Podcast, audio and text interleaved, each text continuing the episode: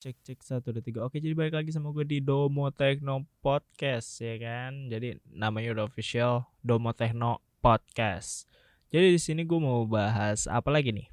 Sebelumnya kan gue udah kasih lo rekomendasi mouse gaming ya kan yang bisa jadi referensi lo mungkin dalam memilih mouse gaming baru di tahun 2021 ini. Nah sekarang di podcast yang kali ini gue mau kasih rekomendasi lagi tapi bukan mouse lagi dong tentunya ya kan. Masa mouse mulu? Lu mau pakai kanan kiri kan enggak dong. Jadi di sini gue mau kasih lo rekomendasi keyboard 10 keyless iya yeah, TKL keyboard gitu. Yang pertama gue mau kasih lo rekomendasi ini langsung aja ya nggak usah berbelit-belit ya kan walaupun gue ngomong agak belibet nih. Hmm maaf amatir. Jadi di sini yang pertama gue kasih lo rekomendasi dari Rexus lagi seperti biasa ya kan gue selalu awali dari brand lokal dulu ya. If you watch this, eh brand-brand lokal. Di sini gue mau kasih lo Rexus Dasa M71. Di mana M71 ini ada dua varian. Di sini ada wireless atau wired ya kan. Rexus sih nyebutnya klasik untuk yang wired yang pakai kabel dan yang pro itu wireless. Seperti yang udah gue bilang di video rekomendasi mouse gaming, kalau Daxa adalah varian premium dari Rexus yang nggak cuma mouse. Karena untuk saat ini yang gue tahu udah ada keyboard, mouse, sama mousepad. Kabarnya sih mau nambah headphone dan lanjut. Keyboard TKL ini punya layout 71 key, button, tombol ya. Pokoknya dimensinya seperti biasa, ciri khas 10 keyless 30 cm-an dengan lebar 10 cm-an dan dengan high adjust apa sih namanya yang buat ngatur tinggi pendek itu ya high adjust lebar keren. Di sini lu pakai magnet gitu cuy di belakangnya. Jadi bisa aduh mic gua ketepok. Jadi bisa dicopot pasang. Paling kekurangannya kalau hilang aja udah. Oh ya untuk switchnya sendiri yang pro itu dapat Gateron dan yang klasik dapat Automo Switch. Pilihan switchnya udah cukup lengkap menurut gua, standar sih. Udah dapat blue, red dan brown switch. Untuk harga sendiri buat Lexus Dax M71 klasik ada di harga 600 ribuan kalau nggak salah deh. Eh, damn, gue lupa cuy tapi kalau nggak salah ini 600 ribuan yang klasik dan yang pro itu 800 ribuan lo bisa cek sendiri mungkin kalau gue salah. Gue lupa anjir asli dah. Yaudah ya kita lanjut aja. Tapi harga nggak bakal beda jauh dari itu. Lanjut ke rekomendasi yang kedua gue kasih brand lokal lagi Kudu Bis Pro. Ya kan? Brand lokal punya lagi dominasi. Enggak sih gue lagi nyebutin brand lokal aja. Karena patut di shout out nggak sih? Kayak podcast gue perlu di shout out share dong. Ah ya kan? Jadi ya udah sekalian lah kita dukung gaming gear lokal gitu ya gamer. Hey gamer. Karena alasannya cuma satu irit budget. Ya dong? Nggak ada biaya import ya kan? Jadi Kodobis Pro ini keyboard hybrid bisa dibilang. Karena dia bisa wire yang udah type C tentunya dan bisa wireless juga. Di satu keyboard. Jadi bukan kayak Rexus MT71 yang perlu dua varian di sini lo beli satu udah hybrid. Di webnya kudu mereka kasih pilihan switch itu ada blue brown red dan yellow dari Gateron. Untuk dimensi seperti biasa standar TKL punya panjang sekitar 36 cm dan lebar 13 cm ya masih ada di 30 kali 10 cm jumlah key yang ada di Kudu Bis Pro ada 87 key dan untuk harga masih gak beda jauh karena sama-sama brand lokal kali ya. Jadi ada di harga 850 ribuan aja. Ini hybrid jadi saingannya sama Rexus M71 yang pro wireless. Dan mungkin lokal brand lagi bersaing ketat kali. Dari harga dan spesifikasi tentunya agak sedikit susah kita milih brand lokal yang karena emang udah bagus-bagus banget sekarang dan mending kita lanjut.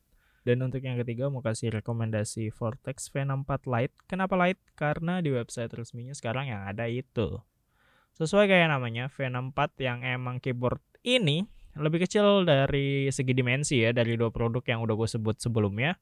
Vortex V64 Lite ini hadir dengan layout 64 key dengan panjang 29,3 cm kali 10,4 cm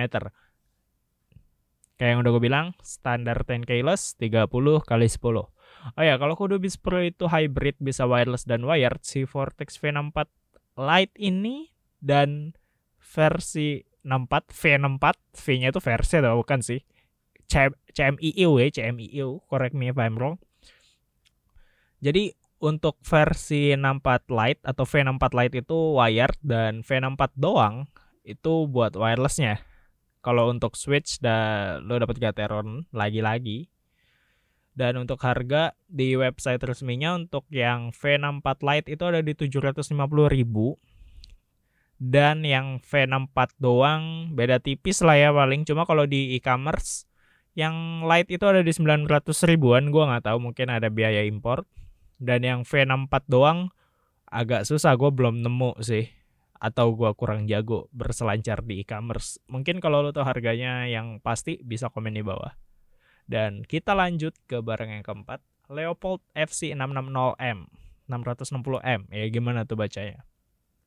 Mungkin buat lo yang sekarang lagi denger ini agak jarang kali denger brand ini Leopold. Tapi kalau lo gamer banget mungkin atau geek banget, lo pasti akrab sama brand-brand keyboard yang kayak gini. Ya udah nggak apa-apa, lo bisa lihat sekilas di sini. Maaf, ini yang gue baca script buat YouTube ya. Jadi gue skip dulu bentar. Hmm, bentar nih. Ah, keyboard ini lagi-lagi ten.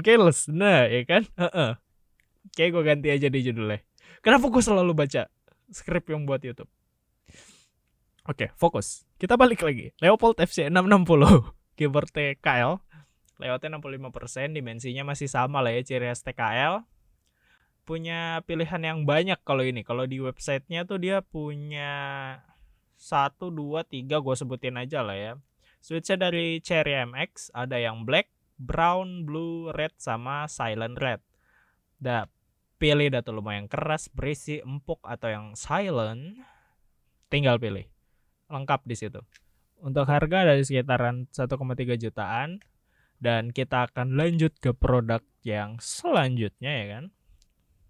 Produk kelima di sini ada Razer Huntsman Mini Linear versi 2, V2, V2, ya itulah.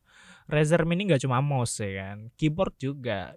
Sesuai namanya, keyboard ini juga produk yang paling kecil dari segi dimensi dari produk yang sebelumnya udah gue sebutin. Karena hadir dengan layout 60% aja dengan connectivity yang cuma wired, atau bisa wireless correct me if I'm wrong sekali lagi gue agak kurang reset nih maaf ya amatir. Dan dibekali switch Razer. Ya benar. Dan dibekali switch dari Razer sendiri yang mereka sebut Razer Linear Optical Switch dan kliknya Optical Switch. Sama kayak Logitech dia sama HyperX juga kalau nggak salah yang punya switch sendiri. Oh ya seperti biasa mengenai spesifikasi lebih mendalam dari produk yang udah gue sebutin lo orang bisa google sendiri lah ya. Mandiri coy. Mandiri. Datengin aja ke website resminya biar dapat informasi yang valid atau lu bisa datengin forum community-nya juga kayak Reddit misalkan. Karena riset itu perlu sih tapi menurut gua sebelum lo orang beli barang apa kan pasti riset dulu ya kan. Oh iya harga belum gue sebutin. Razer Huntsman Mini Linear V2 ini dibanderol 2 jutaan aja jadi segitu aja sih rekomendasi gue hari ini. Kalau lu punya budget yang agak pas-pasan mungkin yang bukan pas-pasan mungkin sih gue bilangnya kalau lu lokal pride banget lu bisa pilih dua produk yang pertama gue sebutin atau kalau lu pengen yang overkill lu bisa pilih tiga produk yang udah gue sebutin tiga produk terakhir iya yeah, gitu. Dan apalagi sih udah ya gitu doang ya.